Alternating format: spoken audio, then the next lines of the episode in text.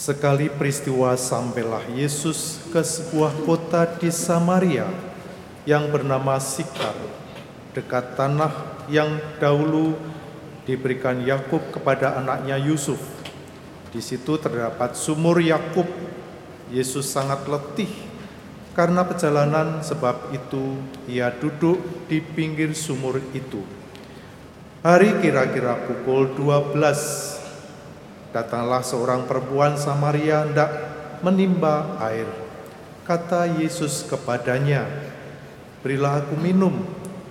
Sebab murid-murid Yesus telah pergi ke kota membeli makanan. Kata perempuan Samaria, itu kepadanya, "Masakan engkau seorang Yahudi minta minum padaku seorang Samaria?" Maklumlah orang Yahudi tidak bergaul dengan orang Samaria. Jawab Yesus kepadanya, "Jika engkau tahu tentang karunia Allah dan siapa Dia yang berkata kepadamu, 'Berilah aku minum,' niscaya engkau telah meminta kepadanya, dan Ia telah memberikan kepadamu air hidup." Kata perempuan itu kepadanya, "Tuan, Engkau tidak punya timba dan sumur ini amat dalam. Dari manakah engkau memperoleh air hidup itu? Apakah engkau lebih besar daripada bapa lur kami Yakub yang memberikan sumur ini kepada kami dan ia sendiri telah minum dari dalamnya? Ia beserta anak-anak dan ternaknya? Jawab Yesus kepadanya, Siapa saja minum air ini, ia akan haus lagi. Tetapi siapa saja yang minum air yang akan aku berikan kepadanya, ia tidak akan haus untuk selama-lamanya.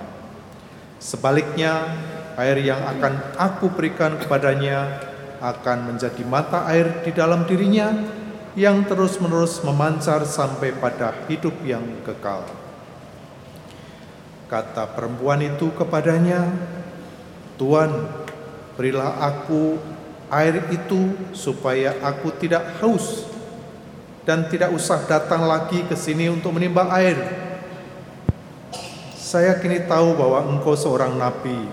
Nenek moyang kami menyembah di atas gunung ini, tetapi kalian katakan bahwa Yerusalem Yerusalemlah tempat orang menyembah.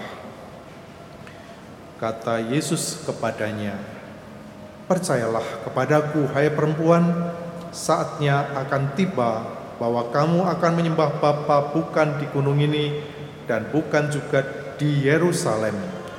Kamu menyembah yang tidak kamu kenal. Kami menyembah yang kami kenal. Sebab keselamatan datang dari bangsa Yahudi, tetapi saatnya akan datang dan sudah tiba sekarang bahwa para penyembah yang benar akan menyembah Bapa dalam roh dan kebenaran sebab Bapa mencari orang-orang yang menyembah Dia secara demikian.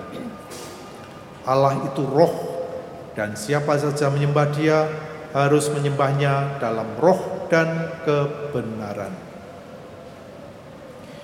Jawab perempuan itu kepadanya, Aku tahu bahwa Mesias yang juga disebut Kristus akan datang. Apabila ia datang, ia akan memberitakan segala sesuatu kepada kami. Kata Yesus kepadanya, Akulah dia yang sedang bercakap-cakap dengan engkau. Banyak orang Samaria dari kota itu percaya kepada Yesus karena perkataan perempuan itu yang bersaksi ketika orang-orang Samaria itu sampai kepada Yesus. Mereka meminta kepadanya supaya Yesus tinggal dengan mereka. Yesus pun tinggal di situ dua hari lamanya. Karena perkataan Yesus lebih banyak lagi orang yang percaya dan mereka berkata kepada perempuan itu, kami percaya tetapi bukan lagi karena apa yang engkau katakan sebab kami sendiri telah mendengar dia dan kami tahu bahwa dia benar-benar juru selamat dunia. Saudara-saudara sekalian, hari-hari ini waktu begitu dinamis Minggu lalu kita mendapatkan himbauan teknis dari Keuskupan Agung Jakarta. Misalnya saya beri, saya ambil contoh saja berkaitan dengan air suci. Air suci disediakan, boleh dipakai, boleh tidak. Kemudian salam damai, boleh bersalaman, boleh tidak. Ternyata di tengah kita itu malahan menimbulkan perdebatan yang sering kali itu nggak berujung. Air suci banyak juga yang menyanggah Romo ini kan air sudah diberkati, kita itu yakin, kita itu beriman, gereja itu mengajarkan iman, maka tak perlu takut. Dalam bersalaman juga minggu lalu ada salam damai begini, ada juga yang terlanjur mengulurkan tangan dan yang lain tetap begini dan yang mengulurkan tangan itu kamu itu takut kamu itu kurang beriman. Kita itu salaman tidak apa-apa dan seterusnya. Banyak hal yang ternyata itu di luar apa yang dibayangkan. Maka saya memutuskan mengenai dua hal itu. Hari-hari ini maka kita bisa melihat hidup kita dalam beriman Paus Yohanes Paulus II itu tahun 1998 mengeluarkan ensiklik Fides et Ratio, iman dan akal sehat atau lebih tepatnya lebih tepatnya itu iman dan akal budi. Dalam beriman itu kita perlu akal budi. Karena kalau tanpa akal budi kita akan masuk dalam takhayul atau sebaliknya Akal budi tanpa iman itu akan melahirkan nihilisme. Tiadanya Tuhan dalam kehidupan ini.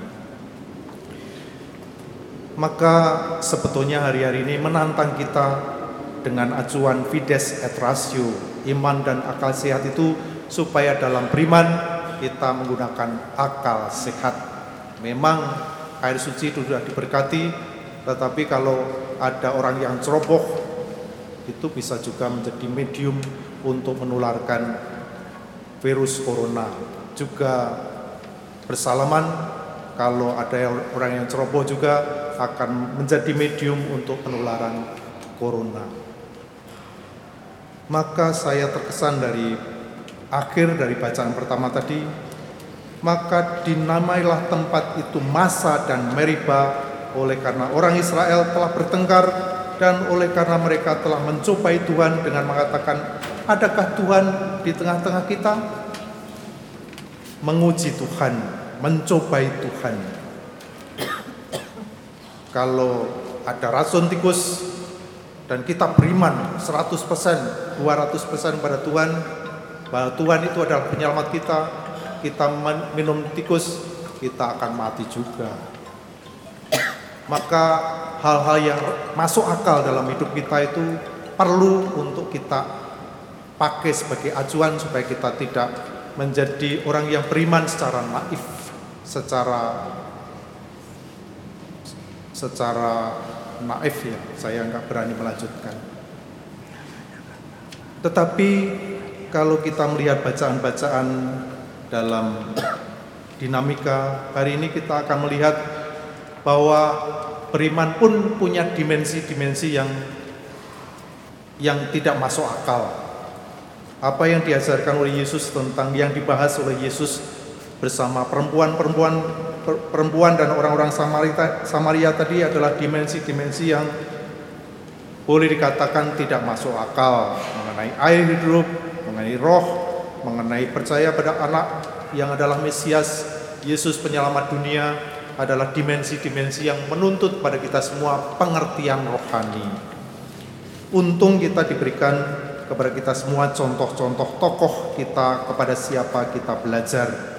Tokoh-tokoh dari perjanjian lama dari bacaan pertama tadi mereka beriman sejauh ada bukti. Artinya mereka beriman kalau bisa memenuhi kriteria akal budi. Juga Nikodemus itu beriman pada Yesus sejauh dia itu melakukan mujizat.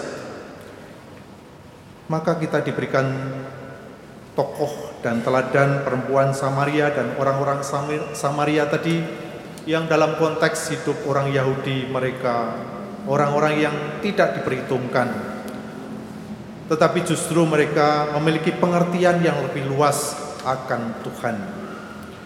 Pendeknya, sebetulnya kita itu membutuhkan akal budi dalam beriman, tetapi kita itu akal budi kita itu amat terbatas.